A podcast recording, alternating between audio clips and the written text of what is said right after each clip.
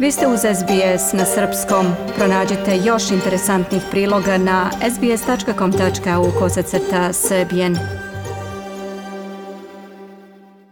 Državna vlada Viktorije vratila je na snagu pojedine restriktivne mere u cilju sprečavanja širenja COVID-19. U toj državi u zatvorenim prostorima dozvoljena su okupljanja do pet osoba, 10 na otvorenom, a do 20 u kafićima i restoranima. Korak unazad je posledica novih slučajeva koji su ubeleženi iz dana u dan. U toj državi je od početka krize potvrđeno više od 1800 obolelih od virusa korona, a trenutno ima preko 100 aktivnih slučajeva. Vlasti Viktorije strahuju da bi moglo da dođe do drugog talasa infekcije, zbog čega je ovog vikenda u toj državi produženo vanredno stanje do 19. jula. Ministarka zdravlja Jenny Mikakos kaže da je većina novih slučajeva rezultat prenošenja zaraze u zajednici. It is still a very serious situation. Uh, we have had particularly concerns around Ovo je vrlo ozbiljna situacija.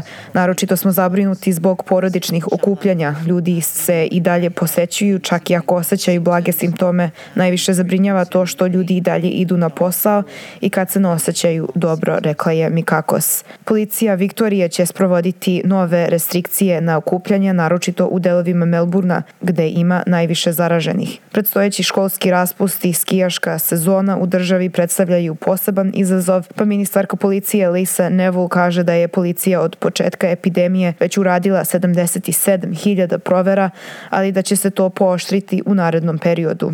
Dodatnih 500 policajaca će biti zaduženo za patrolu popularnih mesta za okupljanje, ali će isprovoditi mere unutar privatnih prebivališta i kuća. Kršenje mera će značiti kaznu od 1600 dolara za pojedince i 9900 dolara za preduzeća. Police are ready to go now with that model. They will, as they have Policija je spremna da sprovede ovaj model zaštite. Oni će kažnjavati osobe koje se ne pridržavaju propisa kao što su i do sada radili.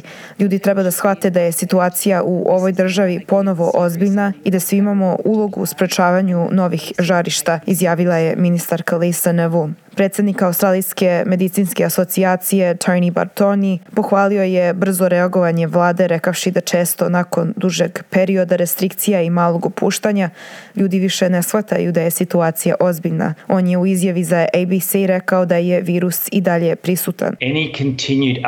Vrlo je moguće da će doći do drugog talasa infekcije i da ćemo videti još slučajeva u narednom periodu. Moramo biti oprezni. To je poruka za stanovništvo Viktorije, ali i za celu Australiju. Virus i dalje postoji u našoj zajednici i dalje se vrlo lako širi. Ministarstvo zdravlja Queenslanda zahteva obavezan karantin za sve ljude koji u tu državu stižu iz Viktorije.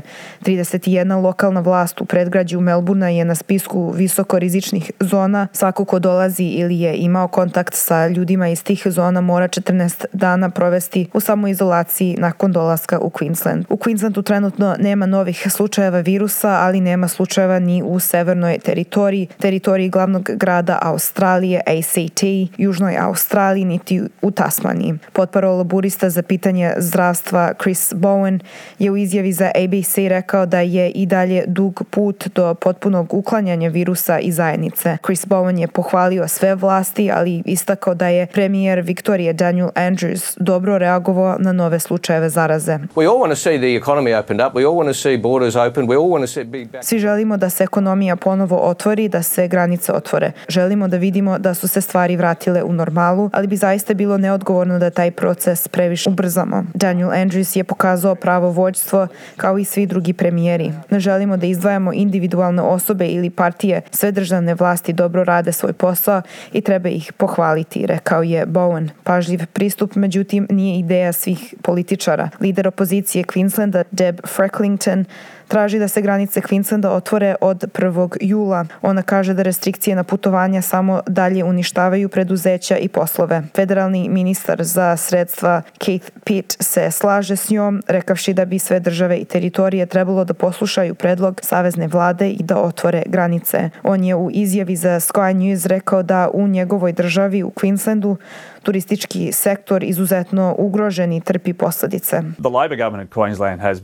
Laboristička vlast u Queenslandu već godinama ne zna da organizuje našu ekonomiju. Oni ne pružaju uslove koje su preduzećima potrebne.